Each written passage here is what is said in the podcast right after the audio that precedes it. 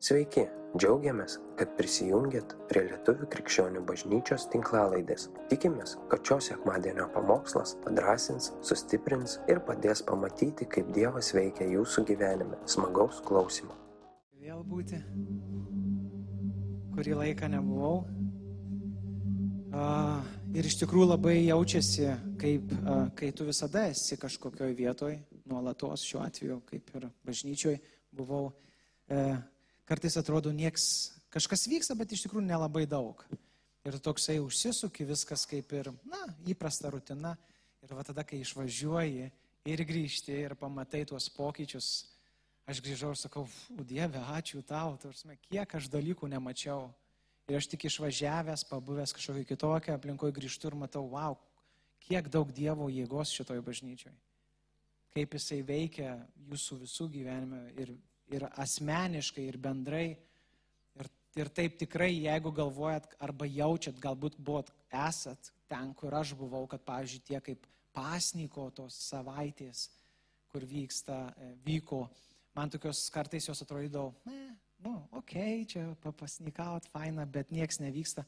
Aš kai čia grįžau ir pamačiau, wow, galvoju, Tai čia gal man tik atrodo, kad nevyksta, bet iš tikrųjų vyksta ir vyksta dvili dalykai, todėl tikrai drąsinu, e, kada vėl bus tos pasnikos savaitės. Faktas, kad mes tikriausiai kiekvienas kažkaip asmeniškai turim tas, tuos pasnikus, tas maldas, bet kažkas tam bendrume, susirinkime, kartu buvime, e, vienos minties yra tikrai galingų.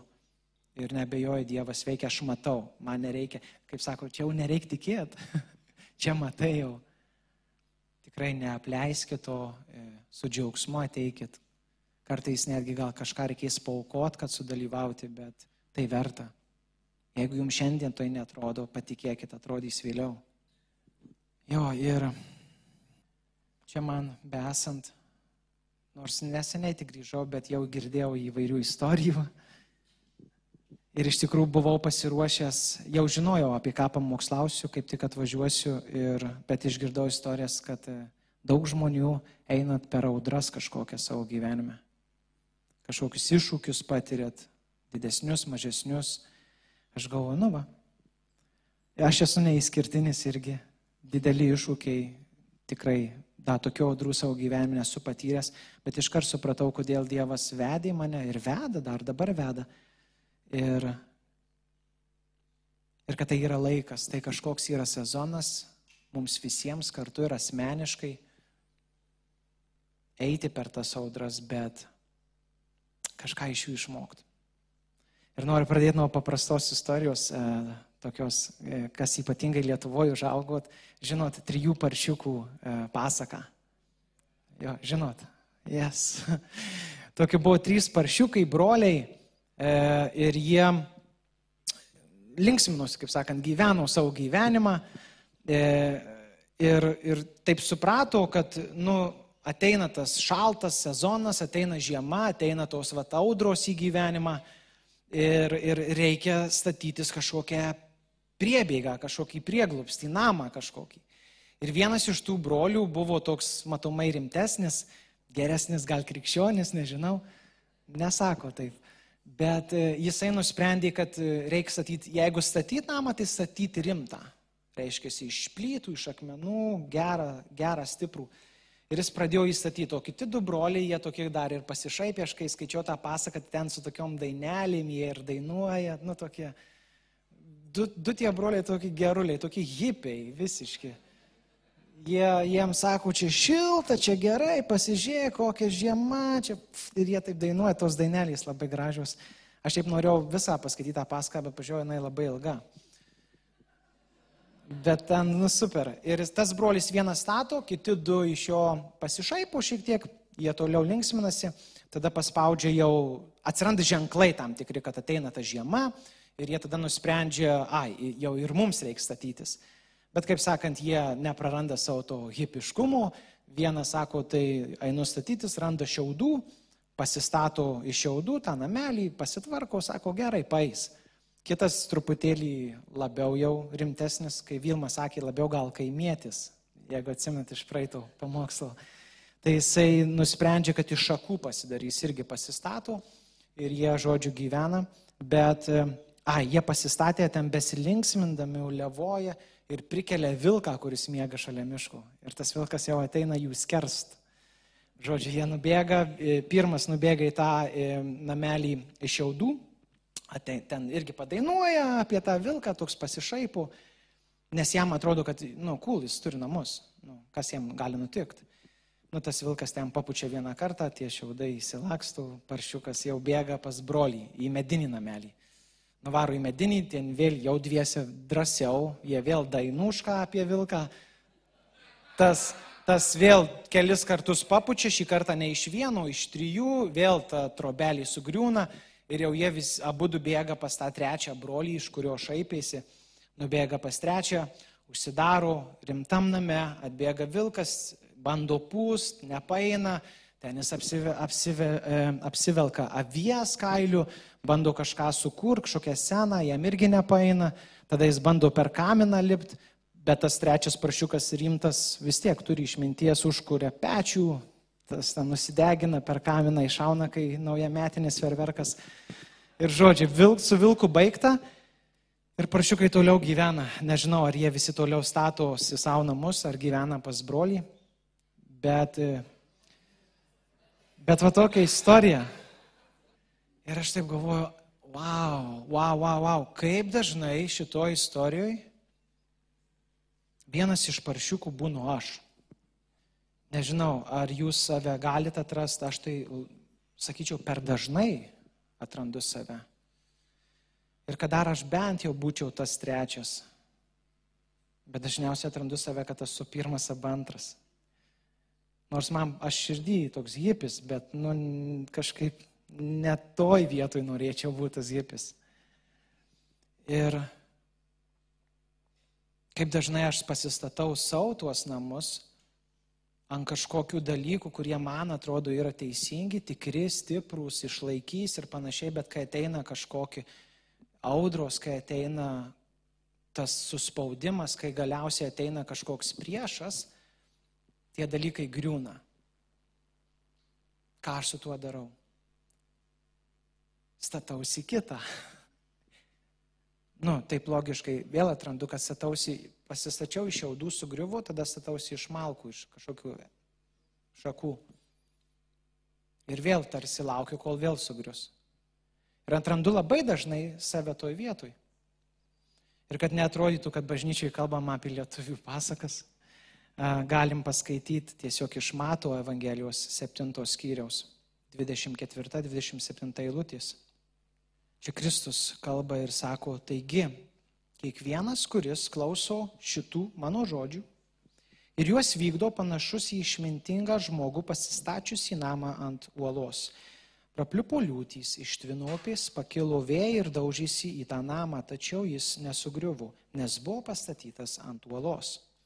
Ir kiekvienas, kuris klauso šitų mano žodžių, bet jų nevykdo, panašus į kvailą žmogų, pasistačius į namą ant smėlio.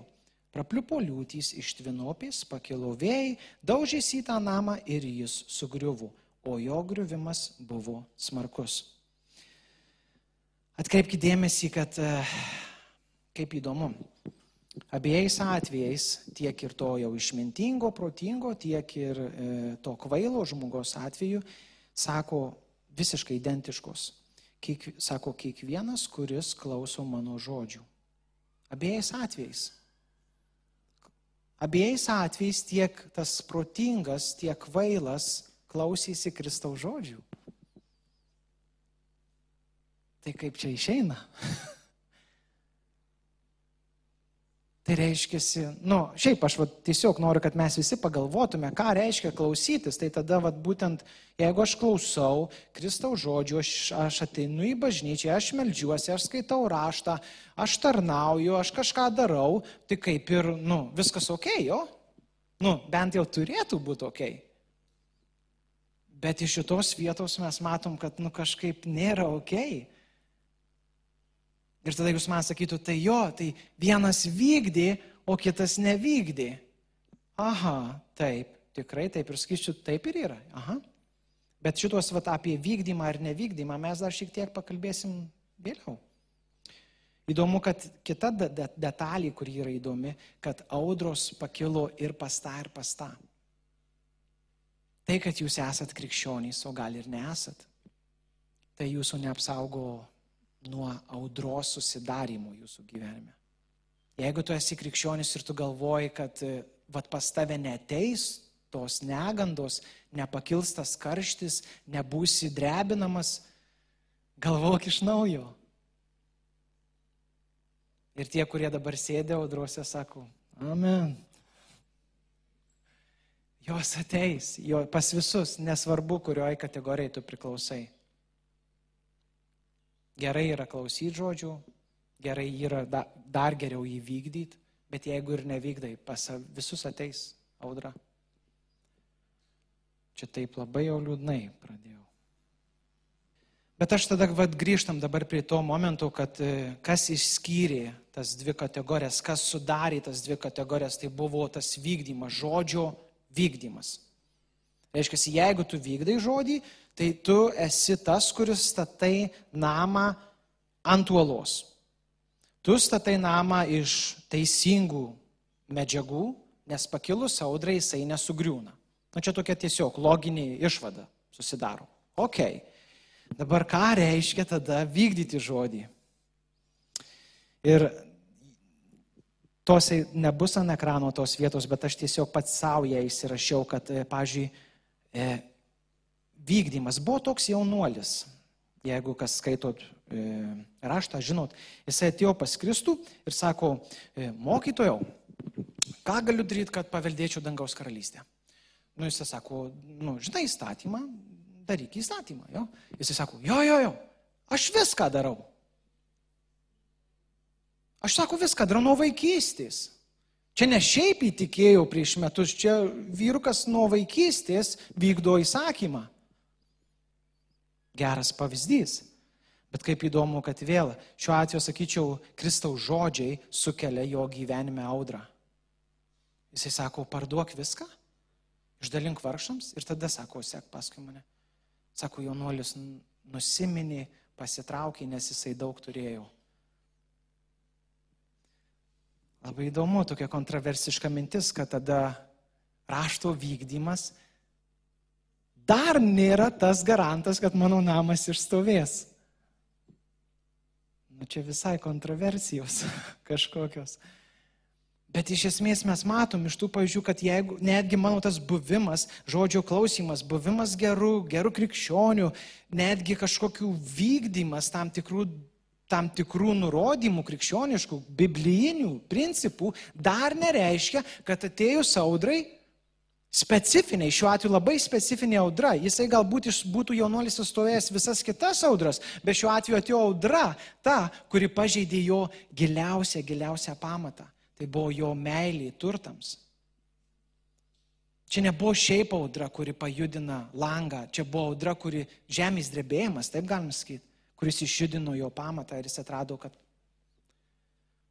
man rūpi vis dėlto, vis dėlto man rūpi mano turtai labiau. Ir tada aš sakau, Dieve, tai ok, tai kas čia vyksta? Kas čia vyksta? Kas, kur, kur šitoj vietoje išėjimas yra. Ir man tokia besiruošiant atėjo mintis, kad namo tas statytojas, kaip aš, kaip žmogus, jeigu esu namo statytojas, aš atiduosiu, jeigu mano namas yra sėkmingas, aš atiduosiu šlovę kam? Tam, kuris jį pastatė. Nu, normalu. Jeigu, jeigu tu statai kažką savo gyvenime, karjerą, šeimą, santykius, kas tai bebūtų, sveikatą, kas tai bebūtų. Tu stataisi ir tu galvoji, kad tu tai statai iš savęs, su savo išmintim, su savo žinojimu, su savo gerom pastangom, tai tu šlovę ir atiduosi savo. Nu, ta prasme, jeigu aš dirbu kažkur, tai, tai kaip man supras dabar, tipo, labai šlovę atiduoti darbdaviui, kad jis man sumokėjo algą, kurią aš uždirbau. Tai kieno čia prakaitas buvo pralietas? Mano ar jo? Ar iš vis kažkieno? Jeigu buvo pralietas prakaitas mano ir aš padariau darbą ir gavau užmokestį, tai, nu, einam atšvesti pirmąją algą. Nu kaip ir, kaip ir, kaip ir taip.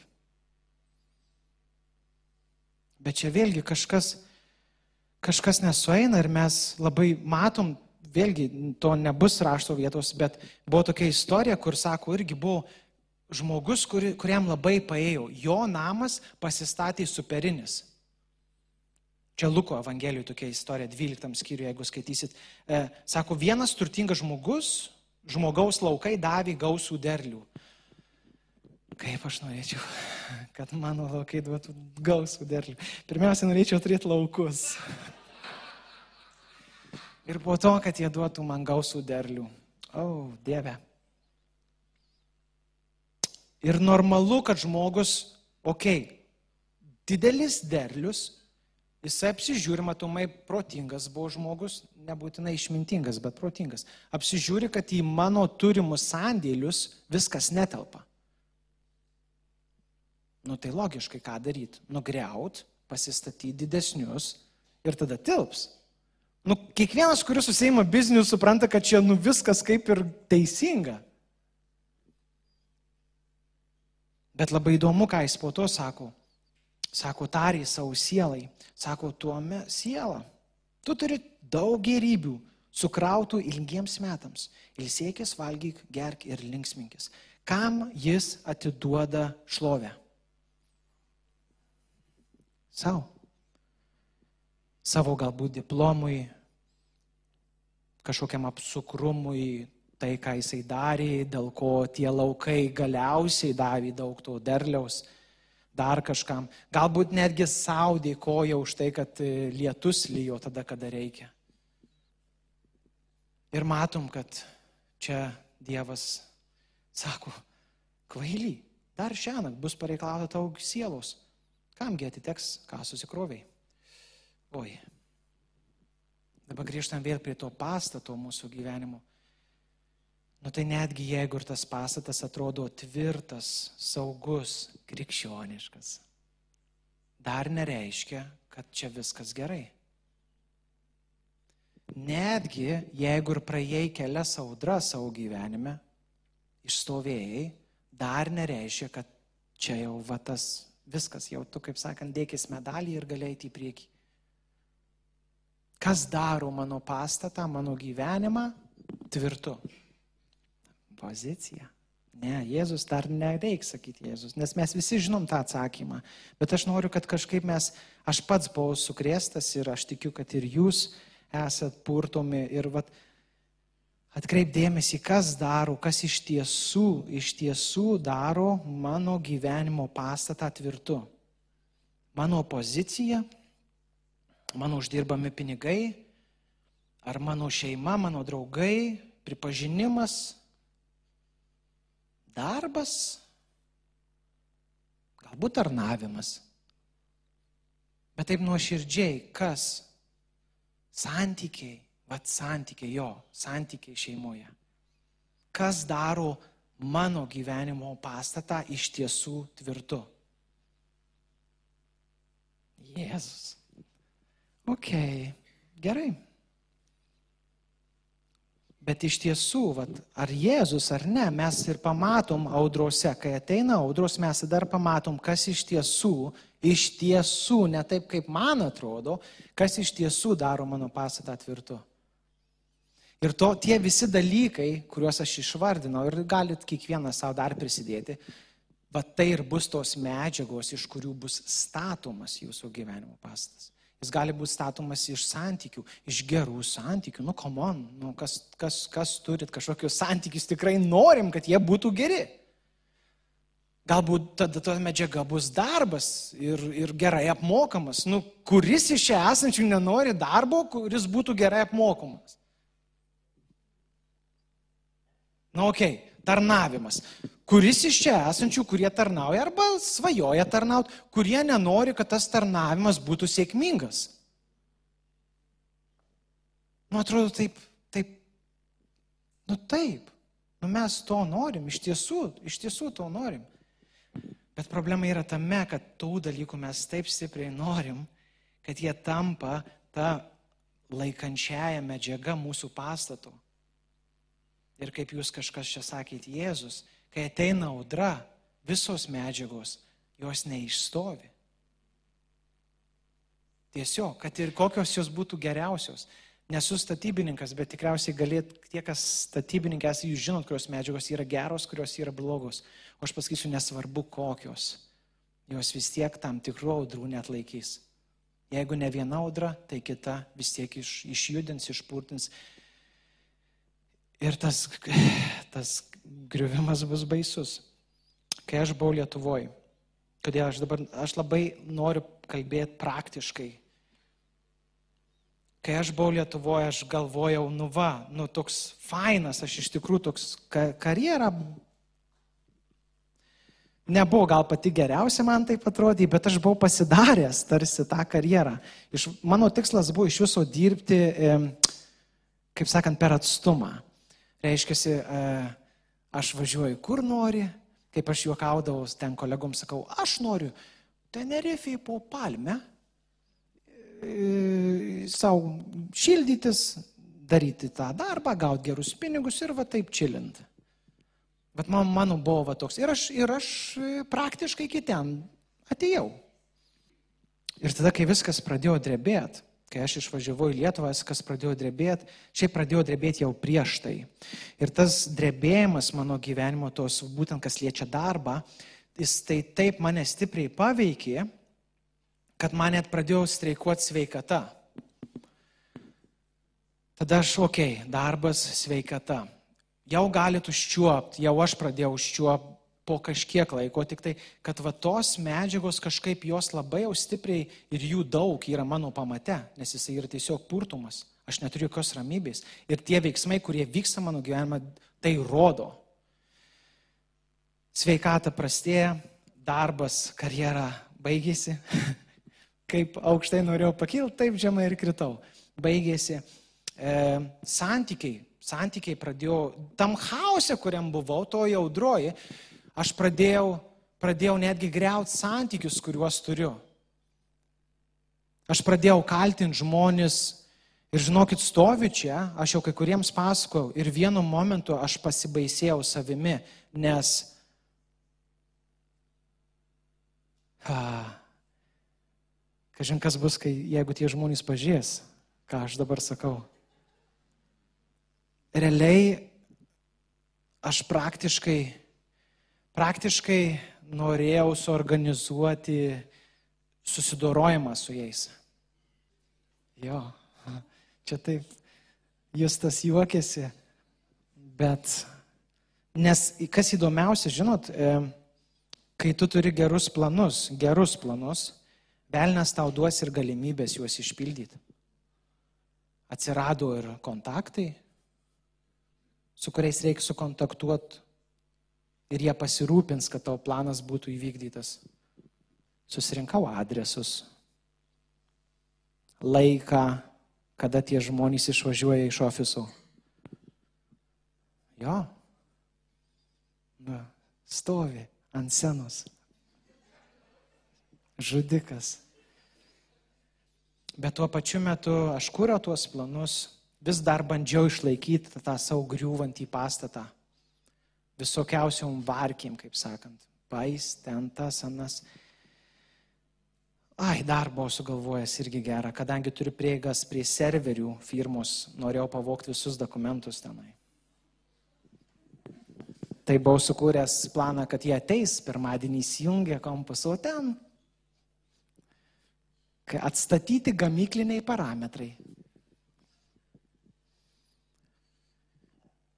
O tuo pačiu metu visiškas chaosas, visiškai, sakau, sveikata streikuoja, mano, mano protė vyksta ištisinės audros, aš nebesuturiu savęs. Ir vienu momentu, atsiminu šito, su mama geriam kavą ir jinai man sako, jinai man ištisai sakė, sako, kažkas su tavim vyksta, sako, aš matau, net ant tavo kūno matosi, kad kažkas su tavim negero vyksta.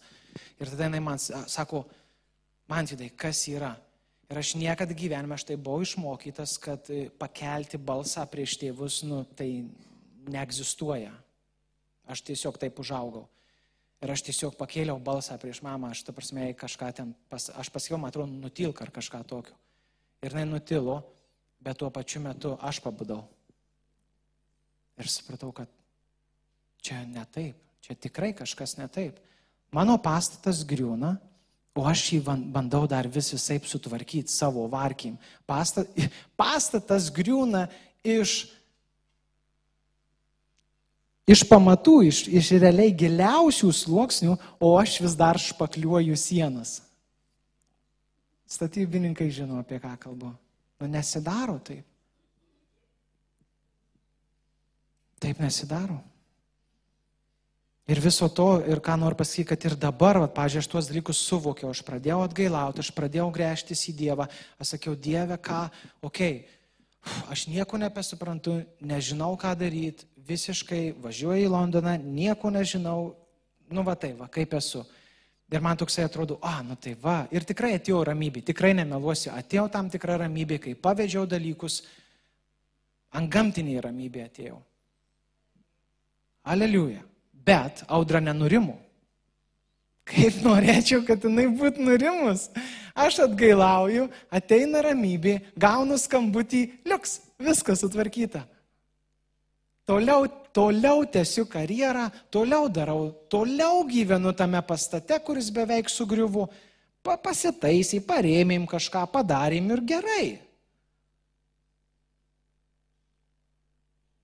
Kaip toj, kaip toj giesmė tie ankapiai, tie kapai, Dievas nori iš jų padaryti sodą, o tu, o tu, o tu tik pasitaisai tą palinkusį kryželį, kuris prie tavo kapo, tu jį pataisai tiesiai pažiūrėjai, statybininkai pamierau dar su leveliuku, kad tikrai sto, stovėtų tiesiai ir viskas. Bet Dievas visiškai nori kažką keisti ir audra vyksta. Ruošiuosi šitam pamokslui tiek vakar, tiek šiandien iš ryto ir atrodo, tu esi, nu komon, tu skaitai raštą, tu dėlioji mintis, tu bendrauji su Dievu. Ir taip maždaug, mano mintys taip, Dievas, Dievas, die, darbas, darbas, susiras darbą, kokį darbą, gyvenamoji vieta, kas vyksta. Nurimstu, okei, okay, pakvėpuoju, man vidai. Taigi tu nieko nepakeisi, šiandien šeštanis, tu nieko nepakeisi. Ok, toliau būk su Dievu. Dievas, Dievas, malda, Dievas, malda, Dieve, prašau darbo. Ir vėl aš atsirandu ten pat ir, ir aš nemeluosiu, tarsi mintys va taip šokinėja. Ir kaip sako angliškai ir tas įsireiškimas all over the place.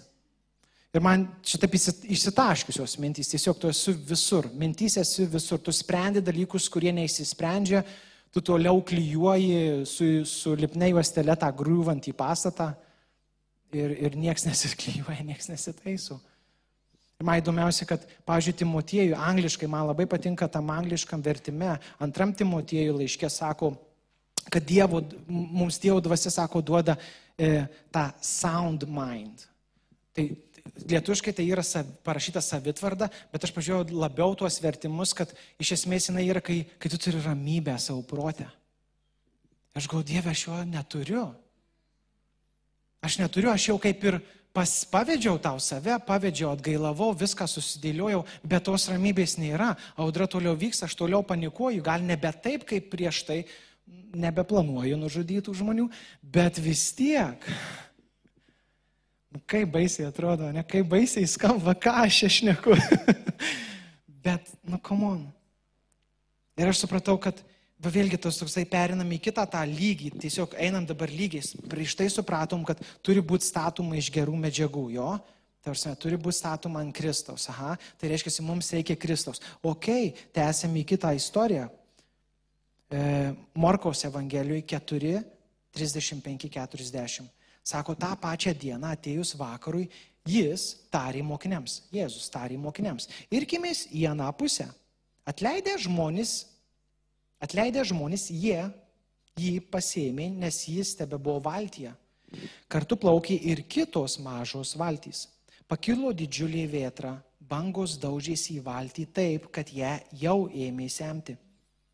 Jėzus buvo valties gale ir miegojo ant pagalvės. Man čia tokia kieta vieta. Gale ant pagalvės. valtį semia Jėzus ant pagalvės. Mokiniai pažadino jį šaukdami, mokytojau, tau nerūpi, kad mes žūvame? Pabudęs jis sudraudė vėją ir įsakė ežerui, nutilk, nurimk. Tuo jau pat vėjas nutilo ir pasidarė visiškai ramu. Jis tarė jiems, kodėl jūs tokie bailūs? Ar vis dar neturite tikėjimo? Ir vėl, kiek čia dalykų vyksta. Uu, pirmiausiai, tai Jėzus jiems sako, plaukime į kitą pusę. Net ne aš čia sugalvojau tas, tuos visus reikalus. Jėzus sako, irkimės į kitą pusę. Tai tu ne Dievas, tu nežinai, kad bus audra. Tarsi mes galim atsi... Aš buvau ne vieną kartą tokioje vietoje, kur tau ateina mintys, tai čia, va matai, matai, Taip ir sakiau, vad eisi, taip darysi, vad ir tau dabar audra. Čia Dievas, čia Dievas tave įvedė į tą audrą. Sakiau, būtum va ten pasirašęs, ten kažką padaręs biškutuką ir ramu būt buvę. Nuplaukęs, nuskridęs būtum į kitą krantą. O dabar čia į, įirtis, audra. Čia, čia Dievas kaltas. Būna tokių minčių. Įdomiausia, kad sako, su jais plaukia ir kitos mažos valtelės, kuriuose nebuvo Jėzaus. Sugryšim prie šito momento. Bet kas įdomiausia, kad apskritai esant audrai, Jėzus buvo su mokiniais. Tai reiškia, netgi mes kaip krikščionys suvokdami, turėdami Jėzų šalia savęs, turėdami šventąją dvasę savyje, mes vis tiek, o vėlgi, neiš, pirmas dalykas, neišvengiame audrų. Antras dalykas, mes galim to visiškai nepastebėti.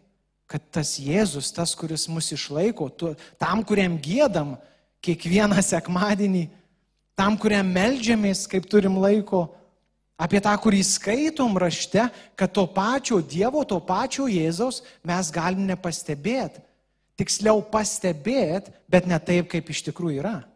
Mokiniai pastebėjau, kad jisai valties gale miega ant pagalvės. Bet kad jisai tas gelbėtojas, kad jisai tas, kuris gali išlaikyti, kad jisai tas, kur gali pervest, o tos vietos jie nepastebėjo. Kodėl? Galiausiai, kodėl iš vis Jėzus mokiniai kreipiasi, sako, nu, kaip padėk, aišku, gal tokie žodžiai, kad čia tau nerūpi, gal tu nereikėjo žodžių, Bet jie kreipiasi šiaip kaip ir mes, tikriausiai kiekvienas papuolė į audrą, natūralu, ką mes darom, krikščionys būdami ir net ne krikščionys, kai, kai, kai kažkas papuola į kokį ten lėktuvo, lėktuvo turbulencijas ir panašiai, net ne krikščionys sako, o Dieve, ten Šventa Marija dar kažkaip. Žodžiu, visi kviečiasi, netgi netikintys pradeda ieškoti, kviestis kažko, kažko, kas gali padėti. Ir man tai atrodo, kad tai normalu. Nu, ar ne taip? Ta prasme, nu, prašykite ir jums bus duota. Bet čia kažkodėl Jėzus priekaištauja. Kodėl? Ir vėlgi sakau, kiekvienas sugrįžkime į savo, į savo tą audrą gyvenime. Kai tavo šeima įvyksta netektys tavo šeimoje.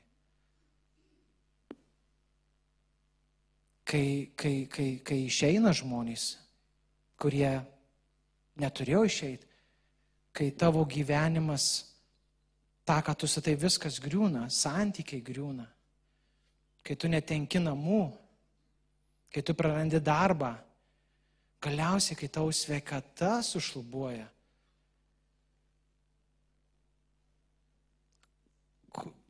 Tai yra normalu, kad aš auksiuosi Dievo pagalbos ir tikėsiuosi, kad Jis išgirs ir padės kur man dar eit daugiau.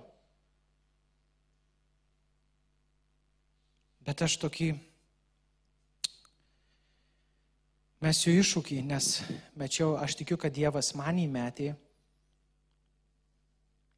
Ir aš noriu tiesiog ir, ir jums mesti tą iššūkį. Akivaizdu, kad audros vyksta ir vyks. Akivai, kartais tam tikras tarsi kaip Dievas būtų įvedęs į tą audrą. Nebūtinai tai yra Dievas. Aš pasakysiu, Dievas Dievas gali panaudoti audrą, ar čia yra esminis dalykas, Dievas gali panaudoti audrą kažkam. Labai gerai, mes šaukimės Dievo pagalbos, taip ir toliau darykit. Bet aš tikiu, kad Dievas sako, va toj audroj, va toj audroj tam hausė, kada viskas griūna, kai tu nežinai nei į kairę, nei į dešinę kur eit, kai tave spaudžia iš visų pusių, va toj audroj atkreip dėmesį, kur esi tu, kur esu aš.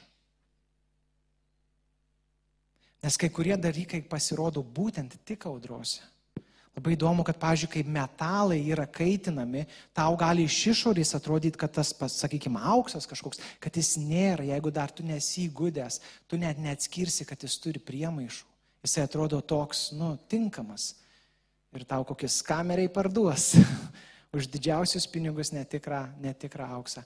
Bet vad, kai tu įdedi į krosnį, toj temperatūroje tiesiog pradeda įsiskyrinėti tam tikros medžiagos, kurios nėra auksas. Tam tikrose temperatūrose medžiagos atsiskiria ir dar vietoj to, kad jos atsiskirtų ir kažkur pranyktų, jos, sako, iškyla į paviršių, jos tampa matomos. Todėl aš ir savo, ir jums metu iššūkį, kad va tose audrose, kuriuose esat, atkreipkite dėmesį, kas vyksta jūsų viduje.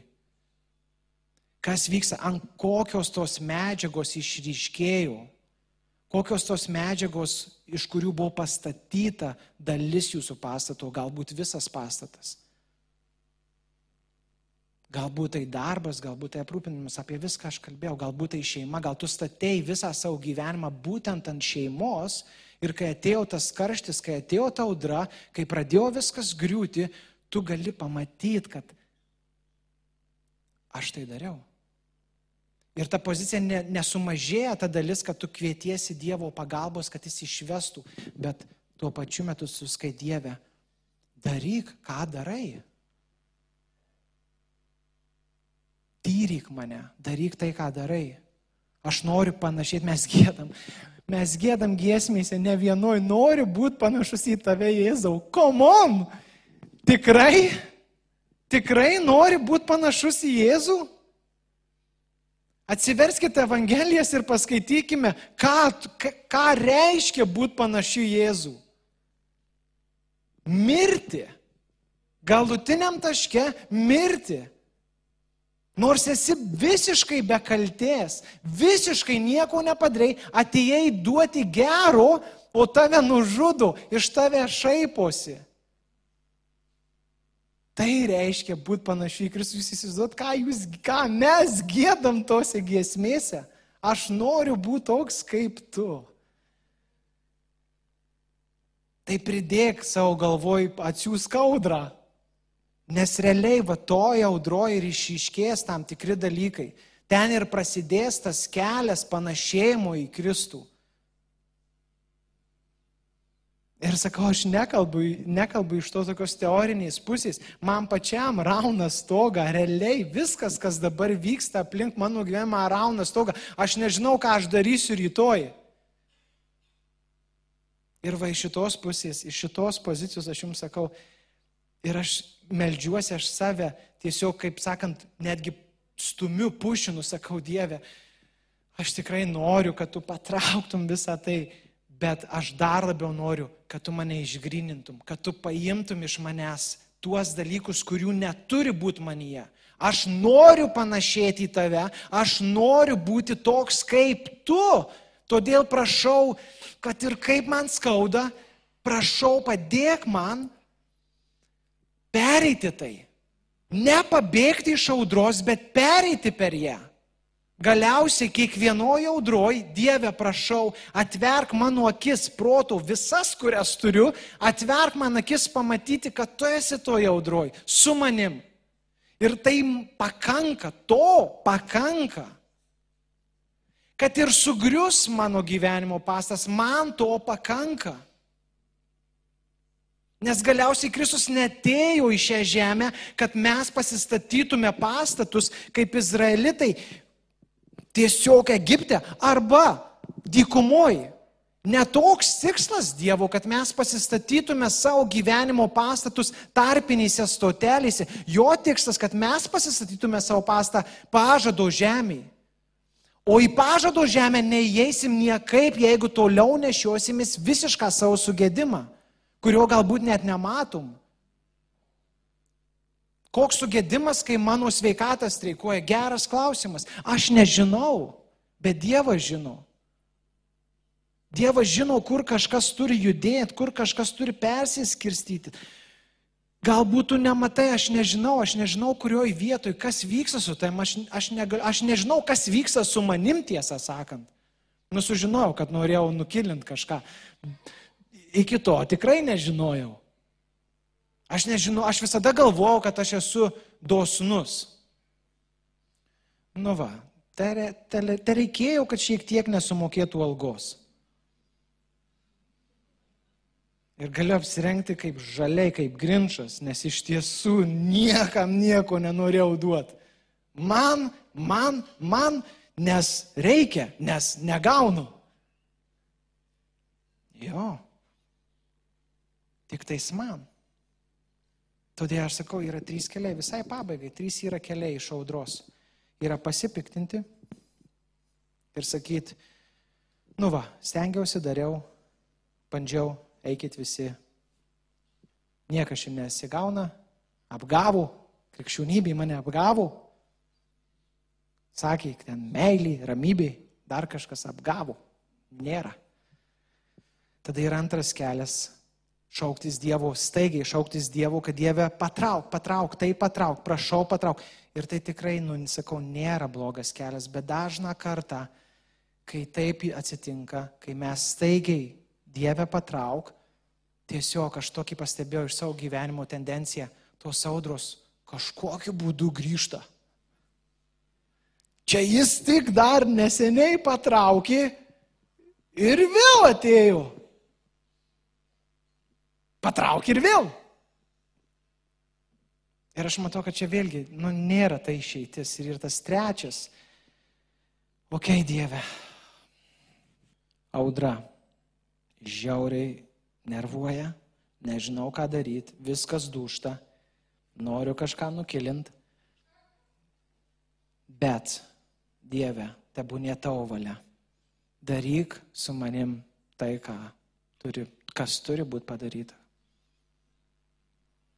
Nežinau kaip, skauda, be galo skauda. Prašau, padėk man pereiti, neišeiti ir išeiti bet labiau prašau, padėk man pereiti, išstovėti. Ir aš tokius pasirašiau savo, visai muzikantai iš tikrųjų galite ateiti. Aš prašiau, kad Dievo tikslas audrose, Dievo tikslas audrose yra parodyti mums, kad Jisai, Jisai yra ir aukštumų, ir slėnių Dievas. Kad kai tu esi aukštumuose, kai tau yra gerai ir staiga viskas persimaino, tu tampi, tu eini į giliausius, kaip sakant, požemius, kad jis vis dėlto ten yra. Dovydas savo psalmėje apie tai kalba, sako, jeigu aš pakilsiu aukštyn, tu ten, jeigu nusileisiu žemyn, tu ten. Ir aš tikiu, kad Dievo tikslas yra mums, kaip krikščionim, mus išugdyti tuos tvirtus karius, kurie būtent nesvarbu kokiom sąlygom, nesvarbu kokiom audrom, nesvarbu kokiam karštyje mes žinosim, bet žinosim iš tiesų, žinosim ne tik, kad die, Kristus yra valtyje, bet žinosim, kad jis yra su manim, su jumis, toje vietoje, kur jūs esat. Ir nesvarbu, kiek ilgai užtruks audra, jisai vis tiek ten yra su jumis. Ir jisai jūs stiprina. Ir dar geriau, jisai netgi kažką daro gražaus. Pas, net gražus, sakyčiau, net nėra, nėra teisingas žodis. Kažką daro tobulu. Dievas mums teikia ramybę. Bet mes pasirenkam, ką su ją darysim.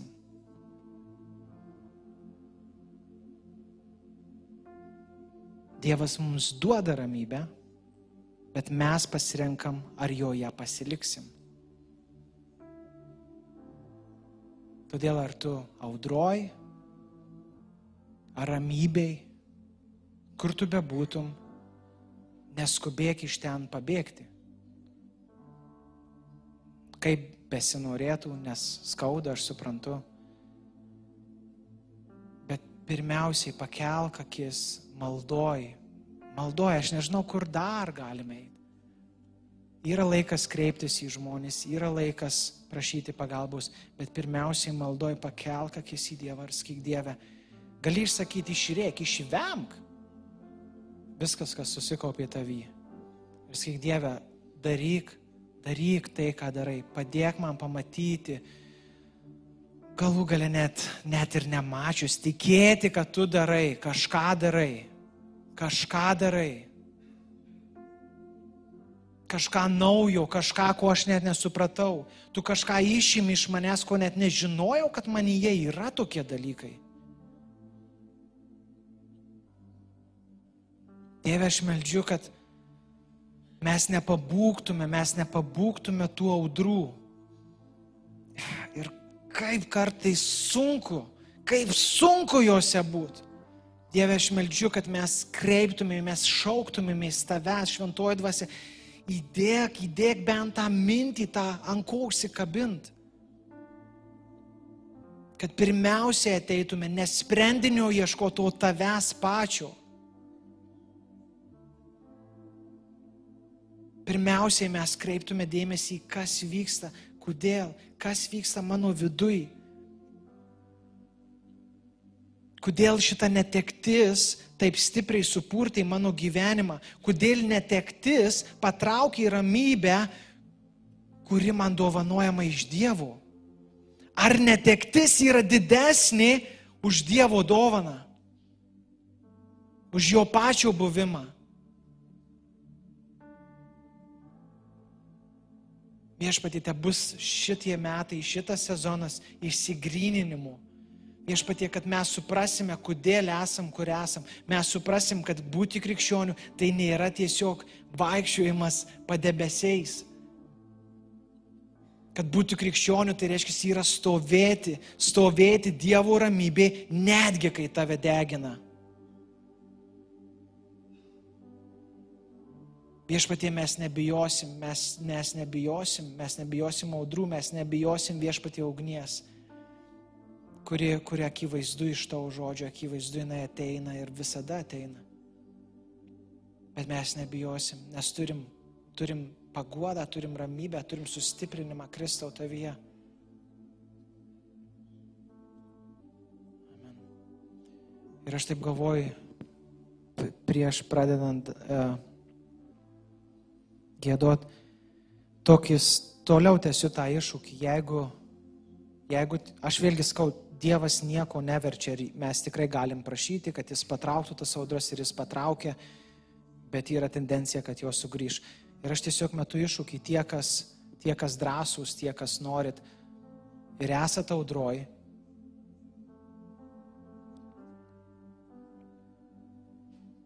Ir išgirdot, ką aš sakau. Ir norit, vat, ne tai, Faktas, kad norim, kad audra pasitrauktų, bet dar labiau norit, kad kažką pasimti iš to, kažką išmokti, priartėti, kaž, kažką pamatyti naujo apie save ir apie Dievą. Aš raginu atsistoti. Tie, kurie to nenorit, ne, tikrai nestokit.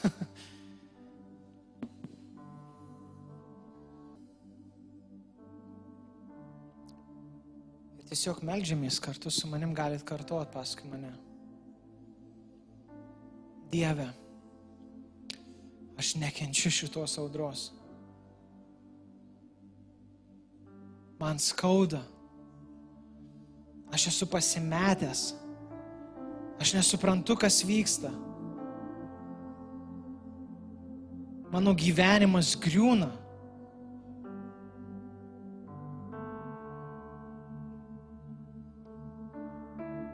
Kaip Kristus, aš sakau, tebūnie Dieve tavo valia.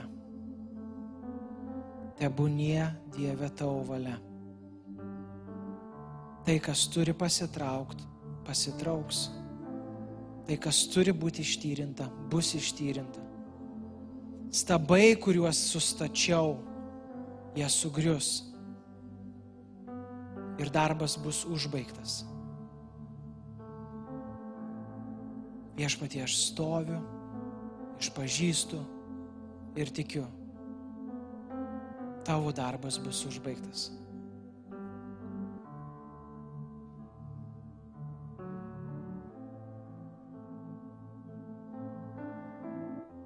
ir ar audroja, ar ugny. Aš lovinsiu ir sakysiu, Dieve, esi vertas.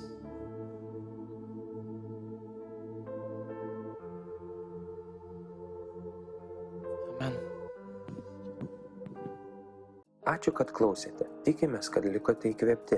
Spausk prenumeruoti, kad nepraleistum kitų įkvepiančių pamokslų. Daugiau apie mus rasite lifeinanchurch.org bei Facebook, Instagram ir YouTube paskiruose.